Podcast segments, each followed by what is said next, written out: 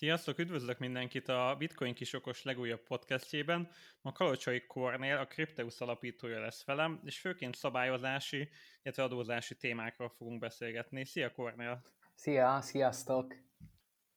Crypteust az év elején alapítottuk, azzal a célral, hogy, hogy segítsünk a, a kriptoközösség számára kriptoadózási kérdésekbe.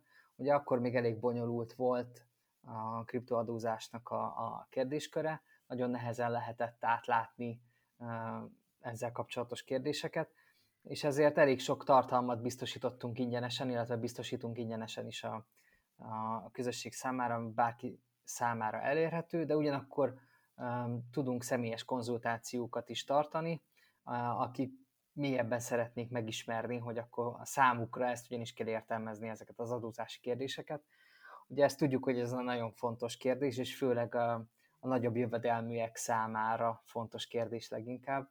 Uh, nyilván kicsi jövedelmek esetén uh, az emberek máshogy gondolkoznak, de minél nagyobb az összeg, annál uh, jobban szeretnék ezt átláthatóbbá tenni, illetve biztosítani a, a saját nyugalmukat is. Uh-huh. És ha jól korábban... tudom, akkor segítettetek igen? az új törvényjavaslat bevezetésében is, ugye? Vagy valamilyen javaslatot tettetek az állam felé? Igen, azt a Blockchain Magyarország Egyesületként tettük meg.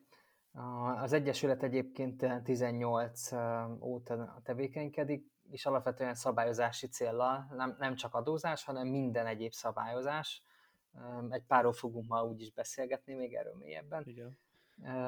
Ott az Egyesületben van elég komoly szakmai tudás, és e, ezt a tudást raktuk össze, és ez alapján készítettünk egy javaslatot a, a pénzügyminisztérium számára, amit egyébként szerencsére el is fogadtak. Igen, én azt gondolom, hogy azért a kriptos közösség hálás lehet nektek, hogy, hogy tényleg ebbe így tudtátok segíteni azt, hogy jó irányba menjenek a dolgok, és, és ne legyen tényleg így, így megfojtó ez az egész, tehát szerintem ez nagyon szuper dolog. Hát igyekeztünk egyébként minél egyszerűbbé és átláthatóbbá tenni az adózási kérdéseket, pont amiatt, mert hogy a Crypteusba elkezdtük ezeket felgöngyöríteni, most már ilyen egyéni szinten is, és láttuk, hogy fú, hát ez, ez nagyon bonyolult, és nagyon sok esetben nagyon nehezen átlátható.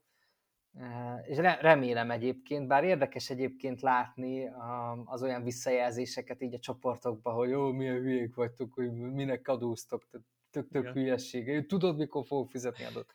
Hát nyilván ez mentalitás kérdése, tehát hogy én abszolút respektálom azokat, akik így gondolkoznak.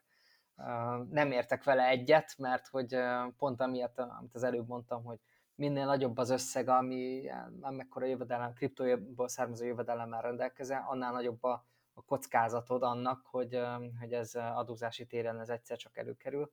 Nyilván minél kisebb, annál kevésbé érzed fontosnak ezt a kérdést.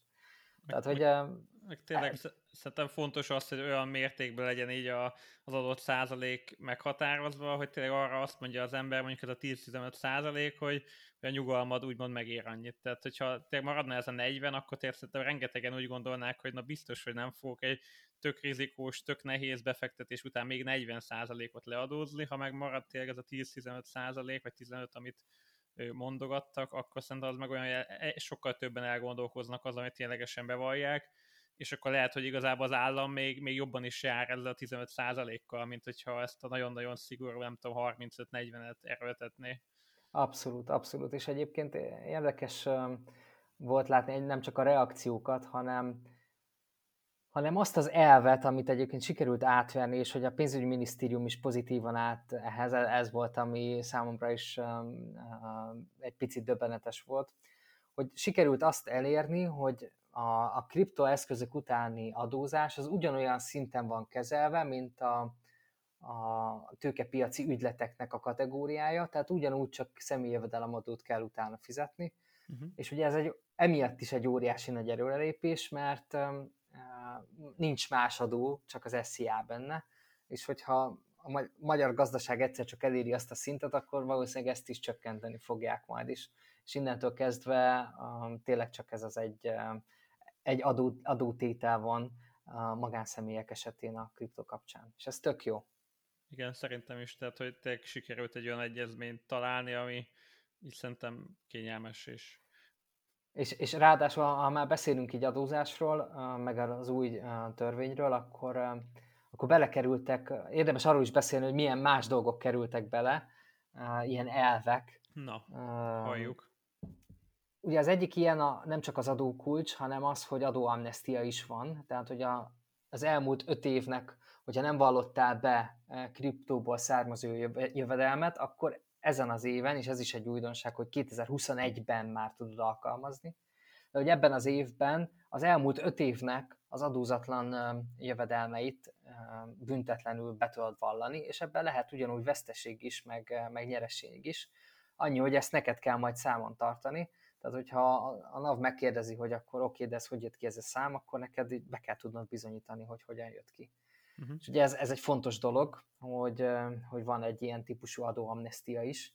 Ugye sokan nem vallattak be korábban ilyen típusú jövedelmeket. Hát most itt az alkalom, hogy ezt egy kicsit egyenesbe hozza az ember. Illetve a későbbiekben is, ugyanúgy, ahogy a tőkepiaci ügyleteknél van az úgynevezett adókiegyenlítés, uh-huh ami azt jelenti, hogy ha mondjuk jövőre veszteséged keletkezik, akkor bevallod azt a veszteséget is, és azt követő éven viszont nyerességed van, meg azt követő éven is nyerességed van, akkor a harmadik éven legkésőbb az előző években származó veszteségeket szembe tudod vele állítani, Aha. magyarul le tudod vonni. Ez tök jó.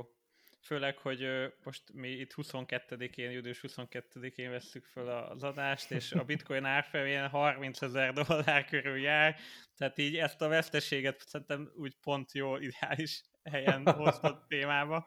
Mit gondolsz te mostani piacra, Kornél? Így a kínai betiltós sztori, Elon Musk, fád te mit gondolsz erről így, csak így nagyon röviden, egy kis aktualitás is legyen ma? Hát el, először is fáj. Igen. Tehát fáj, fáj így, hogy ránézek a, a, az egyenlegemre. Uh, másrésztről meg um, szerintem a, a, tehát, tud, szokták azt mondani, hogy minden csoda három napig tart. Ebbe is én, e, e, ez a hitem, hogy egy hónap múlva már teljesen más piaci környezetben leszünk, és akkor felfelé fognak menni a, a, az árfolyamok. Ha meg teljesen hosszú távon gondolkozunk, akkor az nem kérdés, hogy ez csak felfele mehet. Igen. Úgyhogy én ezt most ilyen átmeneti viharnak gondolom, reméljük így is lesz, remélem igazam lesz. Igen, és amúgy tudod, mi jutott eszembe, hogy ö, tényleg így, ha szétnézel Facebookon, vagy bárhol, így azt látod, hogy így a szenvedés, a káosz, meg tényleg mindenki így földhöz veri szegény, szegények magukat, de hogy az mennyire durva, hogy január 1-ét azt hiszem ilyen 29 ezer dollárra nyitottuk. Tehát, hogy, hogy igazából most, ami iszonyatosan szarul esik mindenkinek, meg így hatalmas szenvedés, ez volt január 1-én, tehát fél éve pont. igen. Tehát, hogy, igen. hogy annyira abszurd, hogy hamar át tud kötegelődni az agyat, hogy nem 5000, nem 10 ezer, meg nem 20 ezer, de már 60 ezer, 50 ezerhez vagy szokva, és ha visszamész a 30 ami amúgy fél éve volt, igen. akkor már mindenki tényleg elveszti az agyát. Tehát, hogy... hát igen, mondjuk megértem azokat, akik mondjuk 50-nél szálltak be. Igen. Az, az azért fájdalmas. Igen. Igen, csak én ott meg azt szoktam javasolni, hogy hogyha tényleg annyira túl ö, haladott egy emelkedés, meg annyira túlvettek vagyunk, akkor is be lehet 50 ezernél szállni, csak azzal készüljön valaki, hogy az, hogy ő késve száll be, azt a rizikót vállalja, hogy lehet, hogy három évet benne kell ülnie. Tehát, hogy, hogy itt az időtávlat, ami szerintem nagyon fontos, hogy eldöntse az illető, hogy most akkor egy hét, egy nap, vagy akár 5-10 év mert hogyha 5-10 év, akkor majdnem, hogy 50 ezernél is beszállhat, csak benne van az, hogy most június 22-én 30 ezeret ér, és most tényleg fáj neki.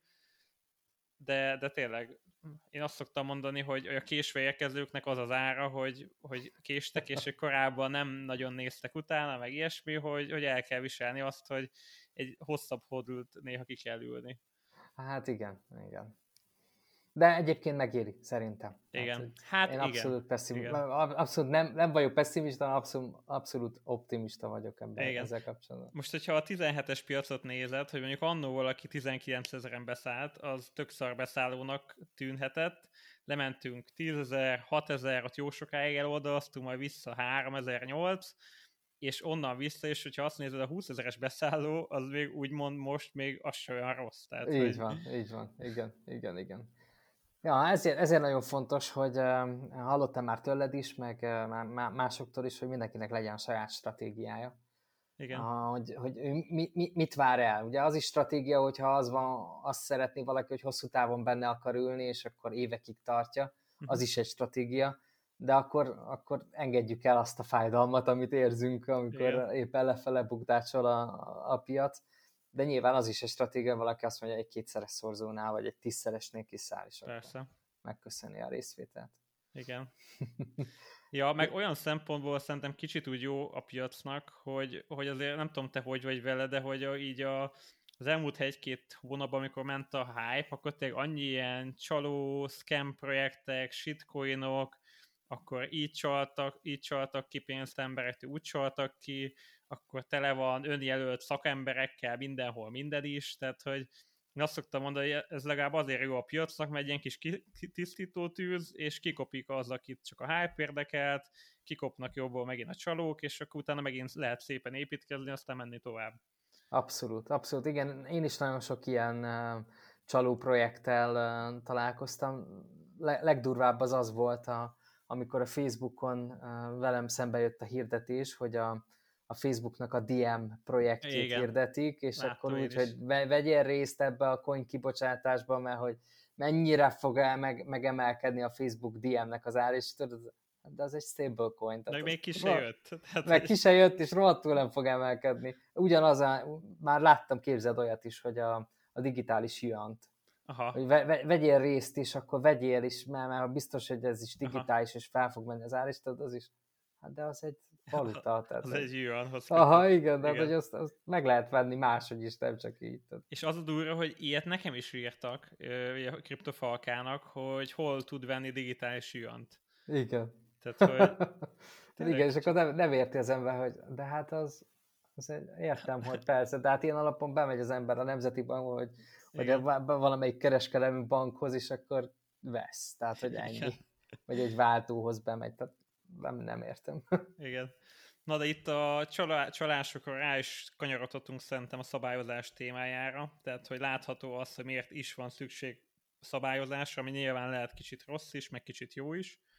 Ö, elsőnek szerintem az EU-s szabályozást ö, beszéljük át egy picit, okay. hogy ö, hogyan látod te, vagy mennyire vagy benne itt az EU-s dolgokba, hogy így merre tart így a, az EU-s ö, dolgok, Érdekes egyébként is, tök jó, hogy pont szóba került a, a Facebooknak a, a DM-je, mert alapvetően ezért jött létre, tehát Aha, hogy amikor igen. kitalálták, a, még akkor Libra néven futott, akkor mindegyik központi bank görcsbe rándult a gyomra, hogy úristen, mi lesz ez, és mindenki reagált is rá valamilyen erőteljes szigorra, és ezt tette a, az EU is. Nekik van egy úgynevezett Crypto Asset Regulation szabályozás tervezet, amit tavaly szeptemberben tették így a nyilvánossá, és akkor indult el hivatalosan a, a tárgyalás ezzel kapcsolatban. Ugye ezt Mikának is szokták rövidíteni, ez a Market of Crypto Assets néven futó rendelettervezet. Egyébként ez három darab rendelet csomag, uh-huh. ami most tárgyalás alatt van, és egyébként, hogy ugye portugál elnökség van, utána pedig a szlovének veszik át, mind a portugálok, mint a szlovének nagyon fogják nyomni, vagy hát a portugálok már most nyomják, a szlovének meg nagyon fogják nyomni, hogy ez minden hamarabb egyenesbe kerüljön, tehát nagyon fontosnak gondolják.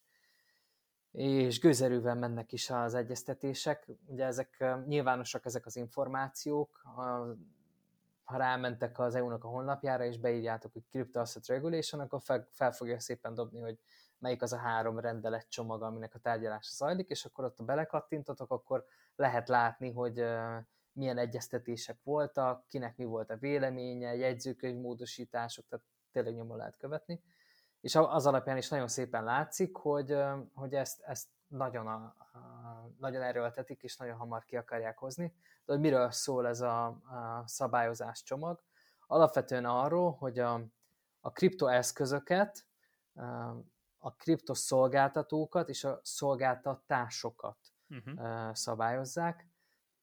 Egyrészt definiálják, hogy milyen kriptoeszközök vannak. Itt alapvetően három kategóriára akarnak lőni vagy az ilyen security típusú tokenekre, amikor értékpapír van mögötte. Aha. Tehát e, e, részesedés, ugye? Vagy... Igen, vagy, vagy konkrétan részvénynek a digitalizált verzió, vagy ilyen token alapú verziója van. A, a másik a, az e-money uh, tokenek, uh-huh. ez amikor fiat pénz van um, fedezetként mögötte, tehát klasszikusan ilyen stablecoinok. Uh-huh. Uh, illetve a harmadik, amit úgy neveznek, hogy eszközalapú tokenek. Vagy stablecoinok.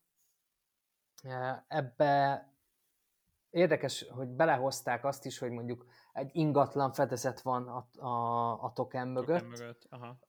és van egy pici fiat is, tehát hogy behozták ezt a keveréket, és ők így határozták meg, hogy a stablecoin kategória az az, amikor uh, van benne mondjuk uh, ingóság is, ingatlan is, meg, meg fiat is, tehát egy ilyen mhm. keverék. Mm és akkor ezzel kapcsolatban határoznak meg kibocsátásokkor kapcsolatos feltételrendszereket, tehát attól függően, hogy 12 hónap alatt, mondjuk ez az alap koncepció, hogy 12 hónap alatt, ha mondjuk 1 millió eurónyi a kibocsátásnak az értéke, akkor a felügyelt szerv az a, mint aki fogja felügyelni ezt, akkor mondjuk az a Magyar Nemzeti Bank, és előírja, hogy white paper-t kell készíteni, meg e, különböző feltételeknek kell megfelelni. Tehát, hogy alapvetően e, ezt határozzák meg, hogy milyen feltételek mentén tudsz kibocsátani tokent, milyen kategóriának felelsz meg, és hogy ki fog téged felügyelni. Uh-huh. És a legnagyobb kategória, ami 5 millió euró feletti, ott a koncepcióban az van, illetve most felmerültek ilyen hangok is, hogy az Európai Központi Bank legyen az, aki majd fogja felügyelni. Tehát nem is az, hogy meghagyják lokális szinten, hanem feltolják a, az Európai Központi Bank szintjére e, ezt a szabályozást. De ugyanúgy benne van az is, hogy nem csak a token kibocsátást fogják e, feltételhez kötni, hanem a szolgáltatókat is, Aha. tehát hogy a váltókat, e, meg a wallet szolgáltatókat is szabályozzák, ugyanúgy be kell jelentkezniük a hatósághoz, ott is meg kell egy, ugrani egy feltételrendszer, tehát hogy e, e, elég kemény kategorizálásnak kell ott is megfelelni. Amúgy csak annyi, annyi kérdés, hogy itt Na. a coinok kapcsán, tehát hogy, hogy ugye eddig ezt a vadnyugati piacot éltük, Aha. amikor bárki bármit létrehozhat, akár white paper nélkül, white paper összekopizva, Igen. az is jó lehet, beszed nem tudom 20 millió dollárt, majd lelép a pénzzel, tehát eddig ez is működött hogy neki bennem az merült föl így kérdés, hogy ugye egy, egy ilyen decentralizált világban ki meg hogyan fogja, nem tudom, tök no országbeli valakin ezt így, ezt a szabályozást így behajtani, vagy pedig az lesz, hogy lesznek olyan coinok meg csapatok, akik meg akarnak felelni az EU-s szabályozásnak, szépen bejelentkeznek, fölmutatják a kis pecsétjüket, hogy nekik ez megvan, és akkor azt, mint egy ilyen pozitív jelvény föl tudják mutatni, hogy én megfelelek az EU-s szabályozásnak, és akkor attól én mondjuk megbízhatóbbnak gondolom őket, tehát lesznek ilyenek, meg lesznek olyanok, akik a hasonló vagy nyugati módon csinálnak valamit, és nem felelnek meg, de nem is tudják ezt fölmutatni, ezt az előnyt. Így van. Tök jól látod, Aha. valószínűleg ez lesz majd, hogy, hogy ez a, a piacot ilyen formában fogja tisztítani. Ugye látjuk, uh-huh. hogy itt a bizalom az egy nagyon fontos kérdés ezen a piacon, máshol Igen. is, de itt alapvetően nagyon fontos kérdés. És ugyanúgy, ahogy a, a kriptotűzsdéknél is már elindult az az irány, hogy a nagy kriptotősdék azok valamilyen pénzügyi felügyelet alá eső szolgáltató, és valamilyen licenszet kapott vagy kért, és akkor ezt, ezt tudjuk, hogy ez, uh-huh. ez így működik, de ugyanakkor vannak a piacon olyan szolgáltatók is, akik rohadtul nem kértek semmilyen papírt hozzá, ennek ellenére ők mégis működnek. Csak Igen. hát nyilván ez ugyanolyan kockázatos, vagy inkább úgy mondom, hogy magasabb kockázatos oda befektetni, vagy ott tartani a pénzt, vagy ott váltani, mint azoknál, akik valamilyen licenszelt tevékenység alatt működnek. Oké, okay, tehát akkor azt mondhatjuk, hogy ez az EU-s szabályozás, ez valamennyire úgymond a fogyasztókat, felhasználókat védi valamilyen szinten. Abszolút, tehát hogy a, e, e, tök jól mondod ezt is, hogy alapvetően fogyasztóorientált, de nyilván a, a piacot is próbálják védeni, igen. És nyilván az Európai Központi Bank a saját érdekeit próbálja védeni, amiatt, hogy vagy annak érdekében, hogy egy ilyen szabályozást kialakítson. Úgyhogy ez a, ez a kettőség, ez benne van. Igen. Uh-huh. Oké, okay, szuper. A, a szabályozás kapcsán még annyi, hogy nem csak az EU van ezen rajta, hanem azért rengeteg ország is odafigyel erre a kérdésre. Tehát ugye tudjuk, hogy az USA-ban az SEC az, az nagyon erősen behajtatja ezeket a kérdéseket, de a, a, az USA-n belül a különböző um, államok különbözőképpen állnak hozzá, és például hogy Wyoming az egyik legjobb példa, hogy Wyomingban már blockchain törvényt is fogadtak el, ahol a kifejezetten blockchain technológiára fókuszálva um, írták le, hogy mi a blockchain technológia, milyen előnyei vannak, illetve ott is már előjöttek azzal a kérdéssel, hogy a blockchainen tárolt adat az mitől lesz hiteles. Hm. Tehát a hitelességnek a, a dolgét. Tehát, hogy ez, ez elég összetett kérdés ez a szabályozás.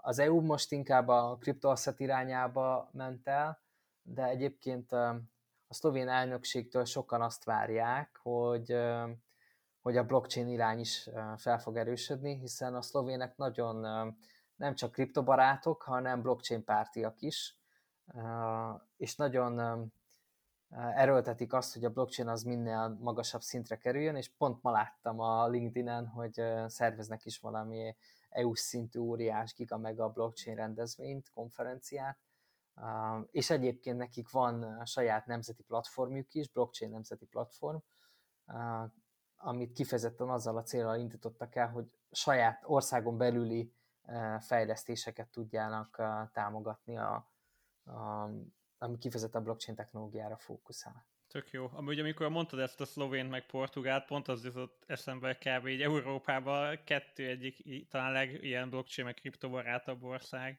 hogy amennyire így, így tudom, én tudom legalább. Hát igen, azért ne, ne felejtsük el, hogy vannak még azért, tehát Észtország, igen. Málta, Málta, Ciprus, ezek mi, mi, mind ilyen blockchain-friendly országok, és ők azért tényleg sok mindent tettek azért, hogy hogy a, a külföldi tőkét megsegítsék, mármint a beáramlását segítsék, már hogy tökre nyitottak ilyen témában, de egyébként érdekes, hogy több ország is ad már ki ilyen kriptolicenszet, mondjuk különböző szolgáltatások elvégzéséhez, például Németországban is van ilyen, vagy Ausztriában is van ilyen licenszelési lehetőség, ugye Észtország az, az, az a legismertebb, de egyébként képzeld el, még Szlovákiában is van Aztán. már arra lehetőség, hogy valaki ilyen kriptotevékenység kapcsán egy licenszet kapjon. Aha, és, és azt hogy látod, hogy mi hogy állunk ebbe a témába, hogy van esélyünk így fölzárkózni? Vagy... hát... Uh, Egyelőre az... érjük be a 15%-os adót. Igen, de igen, azt, talán ez a legjobb kifejezésre. Az már egy óriási lépés, hogy belekerült a magyar jogszabályi környezetekbe az, hogy, hogy mi a kriptoeszköz, és annak Igen. a fogalma az most már a, a, egy, egy, egy magyar törvényben benne van. Zárójel. Hihetetlen, hihetetlen. Korábban is benne volt, Aha. a pénzmosás és terrorizmus elleni törvényben. A legjobb helyen. Még, Igen. A, még a környezet szennyezés mellé esetleg valahogy így. Igen, tényleg oda, oda is kellene egy ilyet rakni.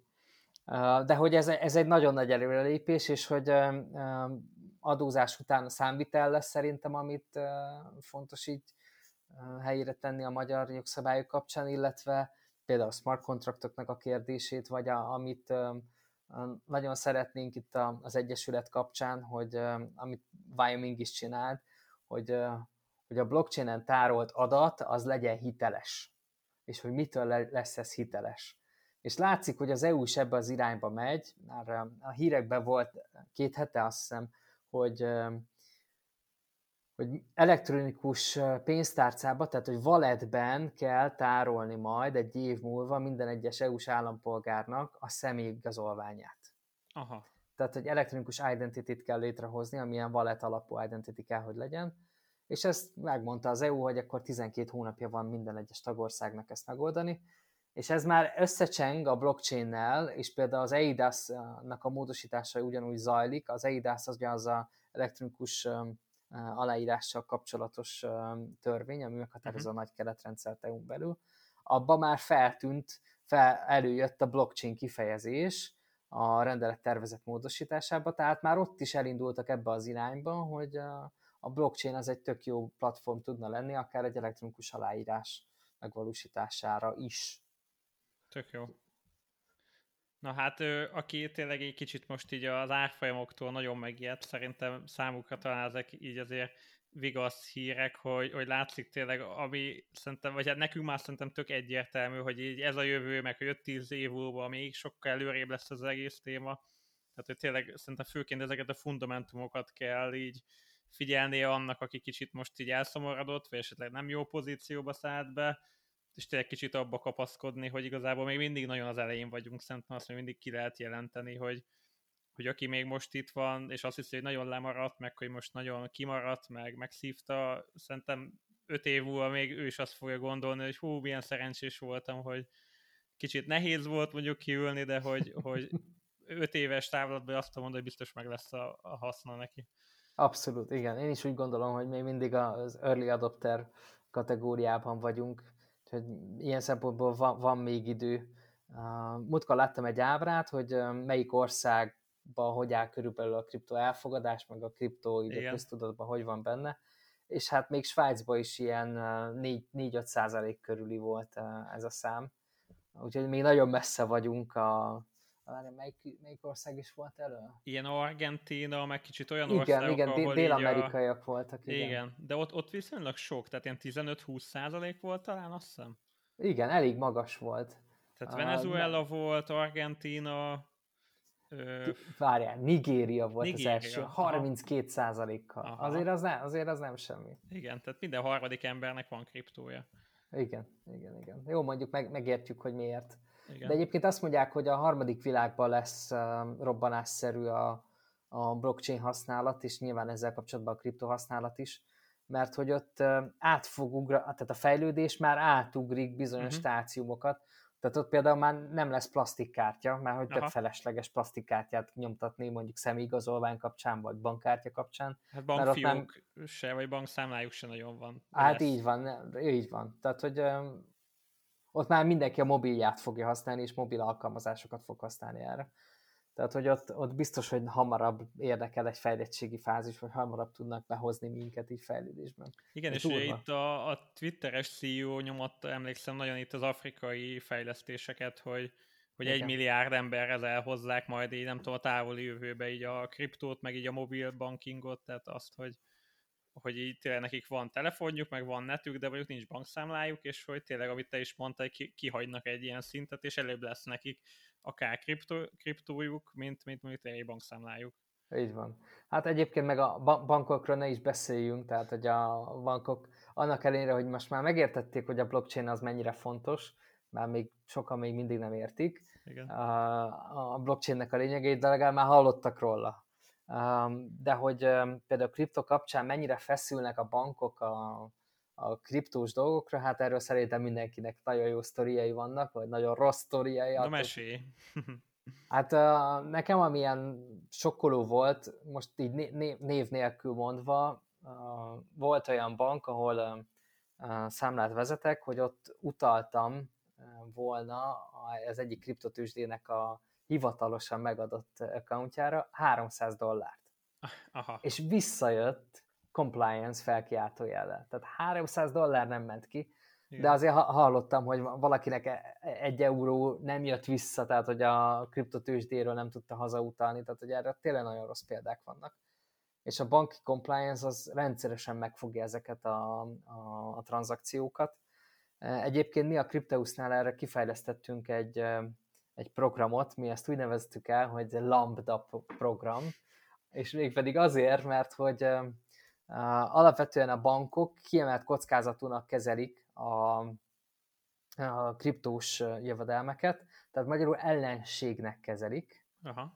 Pedig ugye azok nem azok, nyilván vannak olyanok, amikor azok lehetnek, de ezeket tök jól lehet trekkelni, meg tök jól lehet nyomon követni a kriptós tevékenységeket, tehát mindennek van nyoma a rendszerbe, kivéve egy-két anonim coin természetesen, de hogy ez, ez tök jól trekkelhető és tök jól nyomon követhető, amit a bank is ugyanúgy nyomon tud követni, és egyébként ez a lambda kifejezés ez onnan jön, vagy a programnak a megnevezése, hogy ismerjék fel a bankok, hogy mi ugyanabban a csapatban játszunk, ne, nem ellenség az a, az a személy, aki érkezik kriptojövedelemmel, hanem felmutatja ugyanúgy a lambdát, ahogy a spártaiak felmutatták a, a, a pajzsukon ezt a lambda jelet, hogy hello, én is abból a törzsből vagyok, ahonnan te, és hogy nem ellenség vagyok.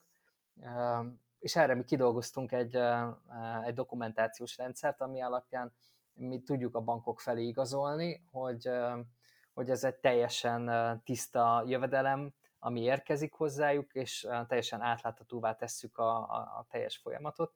És egyébként az a tapasztalatunk, hogy a bankoknál ez cson nélkül mindig átmegy. Aha. Tehát, hogy ha érkezik egy nagyobb utalás, vagy például valaki nagyobb összeget utal haza, akkor a, a, mi programunk segítségével a bank nem fog semmit se kérdezni, hanem megkapja a dokumentációt, oké, okay, rendben, értettem, így tiszta, jöhet.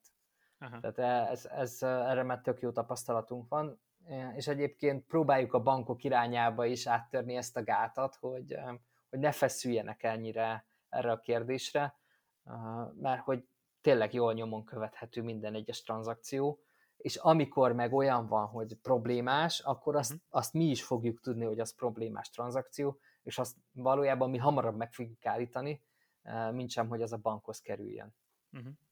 Én kicsit így az übervs taxi esete jut eszembe. Tehát, hogy így, igen, hogy, egyébként, tök jó. Igen. Hogy, igen. hogy van egy régóta, nem mondom, hogy legjobban működő dolog, és hogy már így, így bevett szokás ez az egész, és akkor jön egy tök valaki más, aki tök máshogy csinál valamit, kicsit talán jobb is, és akkor, hogy ő most ellenség, vagy betiltsuk, vagy elnyomjuk, vagy megbarátkozunk vele, vagy megosztjuk így, így egymással a dolgot, tehát hogy tényleg azért el, el, el tudom képzelni, hogy itt azért mind, mind a, mindkét serpenyőbe kerül bőven érv. Abszolút. Meg, meg ráadásul egyébként, hogyha összehasonlítjuk mondjuk a kriptót a készpénzzel, Hát. akkor hát, a, a kriptó az sokkal jobb, mert hogy azt trekkel, tudjuk trekkelni, készpénzt meg rohadtul nem tudjuk trekkelni. Igen, tehát imádom, amikor tényleg a, ezek az ilyen nagyon ilyen felületes érvek így a kriptó ellen, hogy a bűnözők pénze, meg ilyenek, hát basszus az összes tranzakciódat, ha akarod, nyomon tudják követni, tehát a tőzsdé megadod a Know Your Customer-nél a nevedet, meg még mutogatod is a személyidet, és így van. ott van a címed, látják, hogy hova megy ki, tehát hogy így igen, igen. Az, azt tudod, hogy a bitcoinnak mennyi százaléka érintett illegális tevékenységgel? Hát így nem, de hogyha mondjuk tippelnem kéne, 5-10 százalék max szerintem, de lehet, hogy sokat mondok. Nagyon sokat mondtál. 0,34. Nem mondod. De. Hát a, a IP cím alapján lehet trekkelni már aha. a bitcoint. Igen. Tehát, hogy annyira nyomon lehet követni, aha. és ezért nyilván egyre kevesebbet használják illegális tevékenységre. És a készpénznél esetleg van valami hasonló adat? Mert én gondolom, hogy biztos sokkal, sokkal, sokkal magasabb. Tehát, hogy... Hát ugye az, ez, ez a vicc, hogy a, a bitcoin esetében ezt pontosan meg lehet tudni, vagy, vagy közel Aha, pontosan. Igen. Készpénznél igen. hát meg ott csak becslések vannak, de azt, azt nem tudom neked megmondani, de jó, a kérdés. Igen, de Máz is jól mutatja a két világ közötti különbséget, hogy az egyik egy full transzparens valami, a másik meg egy ilyen, nem azt mondom, hogy katyvasz, de egy olyan, amiről tudunk valamit, de úgy nem mindent, és és kicsit ilyen old schoolnak tűnik már tényleg az, hogy itt... Igen, igen.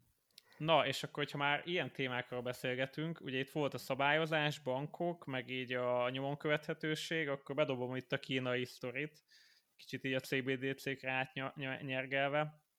Mit gondolsz itt a digitális juanról te? Tehát, hogy az, szerinted mennyire jó dolog, hogyan fog tényleg így, így átfutni. Most igazából erre jutott eszembe, amit erről beszélgettünk, ugye itt a nyomon követhetőség. Tehát ott ugye az államnak tényleg azért egy ilyen Kínába azért elég erős fegyver így az állam kezébe az, hogy ha akarja, nyomon tud követni szinte bármit onnantól kb. Hát igen, azt ne felejtsük el, hogy a kínai állam hogy működik, tehát hogy ott minden egyes cégbe jelentős tulajdonrészsel bír, azt hiszem 50%-a, mert ebben nem vagyok biztos, de hogy ezt hallottam, hogy minden egyes cég, ami a Kínában üzemel, 50% az állam tulajdonában van. És ugyanez igaz, hogyha mondjuk kínaiak külföldön alapítanak Aha. céget, és emiatt viszont mivel a kínaiak nem, szeretné, nem szeretnek hazautalni pénzeket, mert meg szeretnék tartani maguknak, ezért nagyon sok tranzakció megy készpénzben. Tehát, hogy ők a, készpénzt e, preferálják, rengeteg sztorit lehet hallani itthon is, hogy alapvetően ugye ők nem fogadnak el bankkártyát, mindent készpénzbe lehet csak náluk fizetni, stb. stb. Az pont azért van, mert csak egynek egy bizonyos részét teszik rá a bankszámlára, a másik meg uh, ugyanúgy készpénzben marad, és akkor lehet hallani, hogy nem tudom, 200 milliós házakat vesznek meg KP-ért, tudod megjelenik két bőrön, de... Igen, erős. Na, tehát, hogy innen fakad az egész egy a pénzügyi nyomon követés szempontjából, hogy nyilván szeretné tudni a kínai állam pontosan, hogy akkor merre járnak ezek a, a pénzek, és, és igen, tehát, hogy ez a nyomon követhetés, ezt maximálisan ki is használják. Szerintem egy tök jó dolog, hogy egy állam lép a digitális pénz irányába.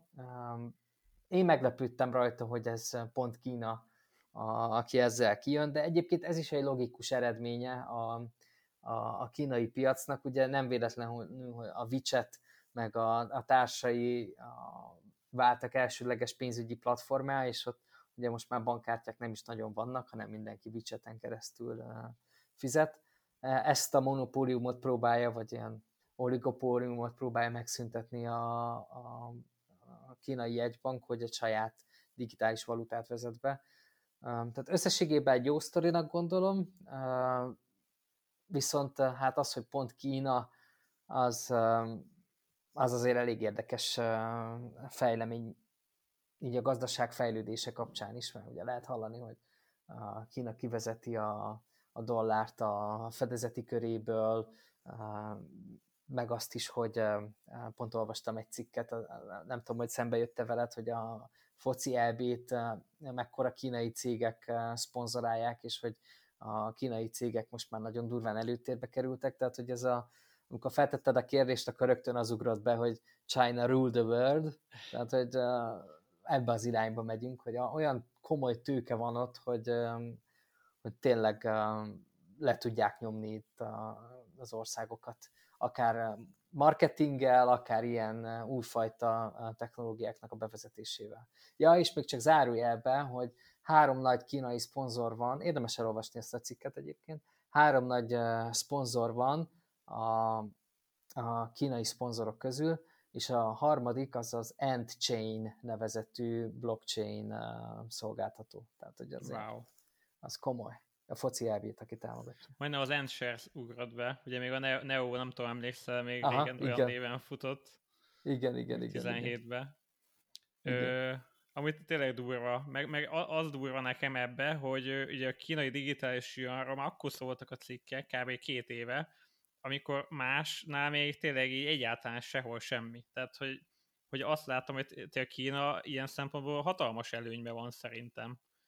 Tehát, hogy Abszolút. Így, hogy így... Ugy, ugyan, ugyanaz a példa, a, amit a, a Afrika kapcsán, vagy a harmadik világ Aha. kapcsán beszéltünk, hogy ott is ugye azáltal, hogy kimaradt a plastikkártya rész, azáltal ugrottak egy digitalizációs szintet, és már nekik könnyebb megugrani a következő fázist, uh-huh. mint, mint nekünk, ahol uh, a plastikkártyáról kell még különböző lépéseket, fintek, stb. Igen. lépéseket megtenni. Meg, a, meg az a durva, hogy így kb. így a második helyre, hogy ki fog másodiknak elkészülni, kb. így nem is tudnék kit tenni. Tehát, hogy franciák is nyomatják, akkor talán Japán is jött, jött föl vele, meg nem tudom, még egy-két ország, de hogy így az első hely tök fix, a többiek meg így, így legalábbis, ami így felszínen látható, hogy eléggé le vannak még maradva, tehát hogy a tesztelés az még sehol nincsen. Abszolút. Hát egyébként döbbenet, de hogy Ukrajnában már tesztelték Aha. A, a digitális jegybankpénzt. Aha. Tehát, hogy ott már volt egy ilyen funkció, sőt, én 18-ban voltam Brüsszelbe egy konferencián, ahol a japán jegybank mutatott be egy, egy tesztet ezzel kapcsolatban. Aha. Ezek ilyen koncepciók, vagy? Kon, kon, igen, hát teszt, ilyen belső tesztek, igen, tehát igen. hogy uh, kibocsátották, és akkor nézték, hogy hogyan lehet használni, meg mire lehet jó. Tehát ilyen belső uh, tesztverziók voltak. De hogy, hogy tényleg melyik lesz, az jó kérdés, mert egyébként meg a digitális eurón is gőzerővel dolgoznak.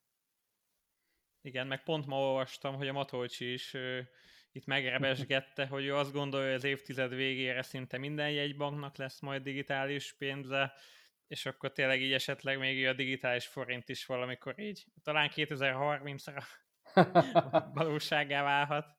Hát egyébként ez remél, reméljük, hogy ez hamarabb meg fog valósulni, bár uh, amivel küzdködik a, a Magyar Nemzeti Bank, és tök jó volt ilyen szempontból a BDN, uh-huh. volt erről egy, egy kerekasztal beszélgetés, uh, ahol a, a Nemzeti Bank részéről a Szombati Anikó vett részt, illetve a beszélgető társa meg Debreceni Barna volt.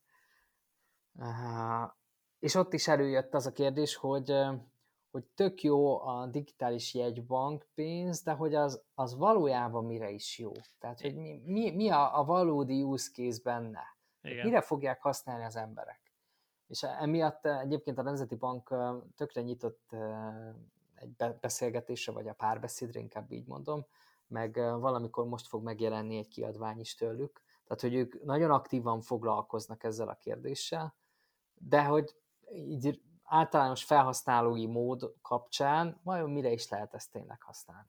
Igen, Ez meg is főként ilyen kőkemény kriptós mentalitással nézve kicsit olyan, tehát hogy nekem se annyira impozáns ez az egész, hogy most mit kezdjek ilyen digitális forinttal vagy euróval, ugyanúgy a jegybank dönti el, hogy mi van, ugyanúgy nyilván úgy fogja a szabályokat hozni, hogy így főként az államnak meg neki ideálisabb legyen, de, de a másik oldalról nézve meg lehet, hogy a hétköznapi embereket meg sokkal, tehát hogy ők hozzájuk meg az áll közelebb, hogy digitális euró, és akkor lépnek egyet ezen a lépcsőn, és akkor már tök könnyen, nem tudom, mint egy üzenetet ugyanúgy küldenek digitális eurót egyik tárcából a másikba, és onnantól már úgymond a kriptó meg a bitcoin is már csak még egy lépcsőfok, vagy egy fél lépcsőfok inkább.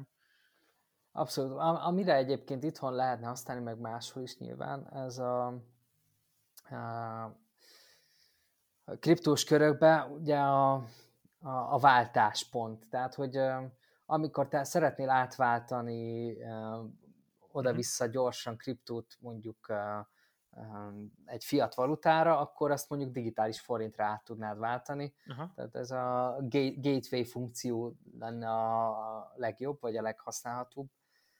De ahhoz egyébként a Nemzeti Banknak is úgy kellene állnia az a kriptóhoz, hogy, hogy ezt megértsék, hogy ez például ebbe a világban ez egy nagyon fontos kérdés tud lenni. Igen. Um, Igen, tehát itt a, akkor megint csak a bizalom, tehát hogy, hogy inkább váltanék egy BTC-t mondjuk vissza a tőzsdén, hogyha úgy látom, hogy nem igazán jó valami mondjuk digitális euróba, mint mondjuk egy USD tetherbe, ahol tudom, minden évben kétszer kijön valami negatív hír, és akkor mindig rám is rámírnak itt a csoportunkba, hogy akkor ez most mennyire gond, és én nekem már kicsit így unalmasabb úgy, tehát ezek a tedörös, meg kínai sztorik, amik így kicsit olyanok, mint valami ünnep, hogy minden, minden évben nem tudom, kétszer-háromszor visszatér. igen, igen, egyébként abszolút. Bár, bár csak csendesen jegyzem meg, de ugye az új SZIA törvény kapcsán akkor kell adót fizetni, am, akkor keletkezik adózási pont, inkább így mondom, Aha. amikor fiatra váltod.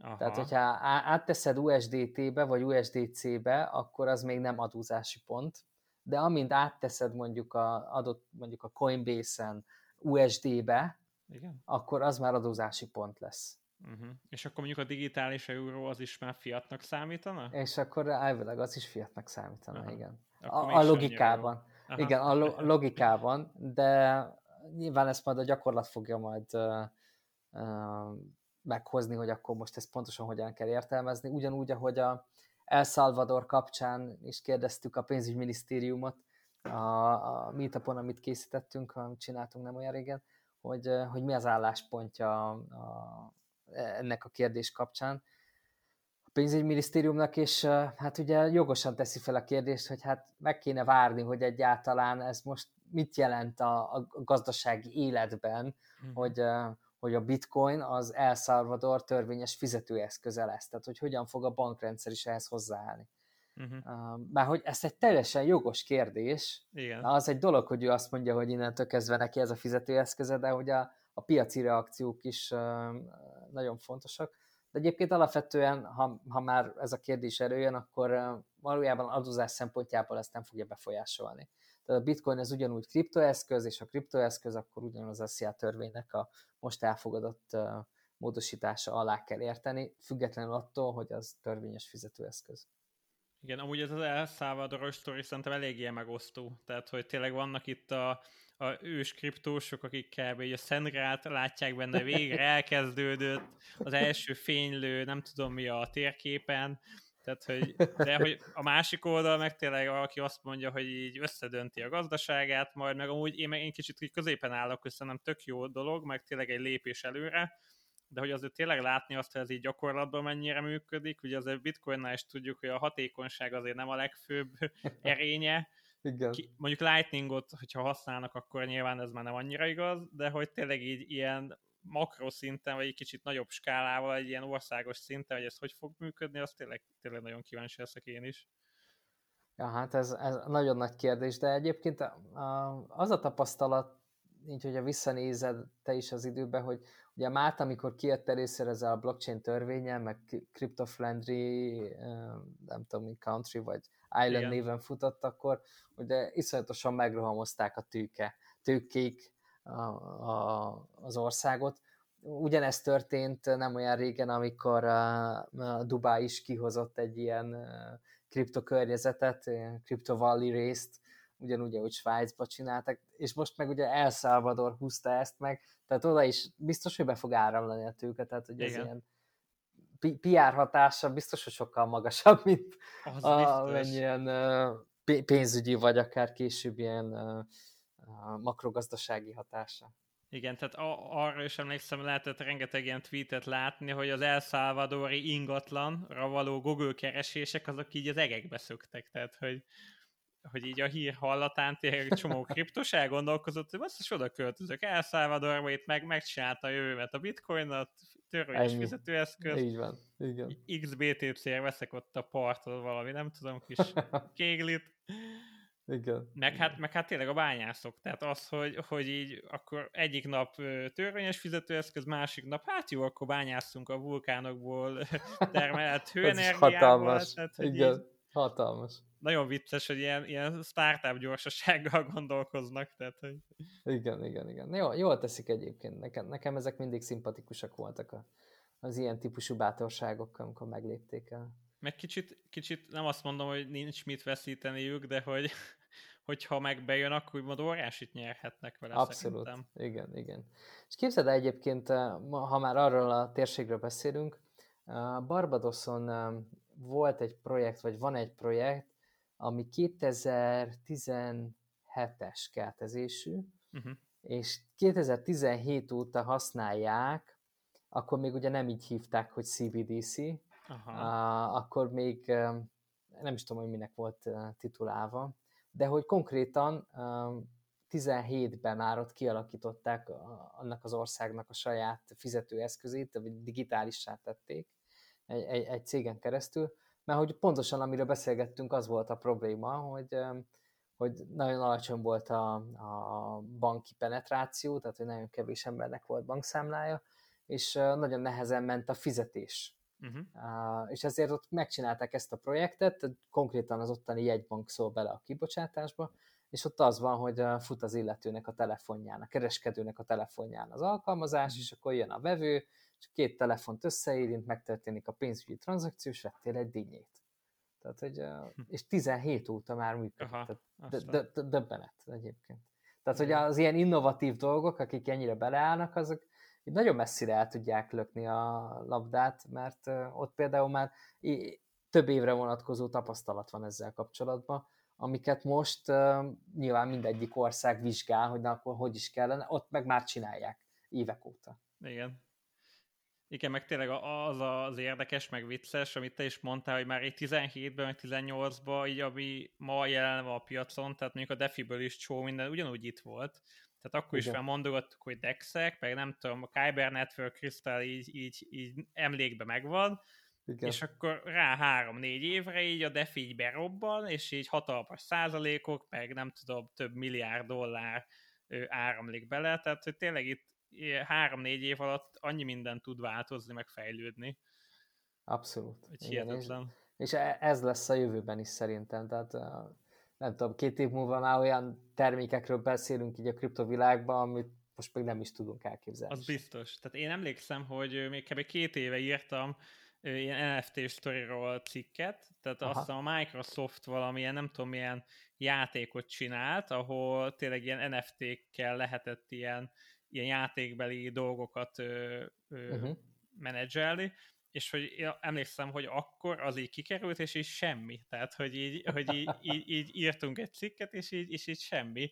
És most pedig, hogyha azt mondta, hogy NFT, akkor mindenki, hogy ú, hát az mekkora biznisz, meg minden, és tök, tök érdekes azt látni, hogy, hogy így kell így idő annak, hogy valami megérjen, és hogy, és hogy tényleg, hogy így kifejlődjön, és utána tényleg így el tudja hozni azt, amit amúgy hivatott.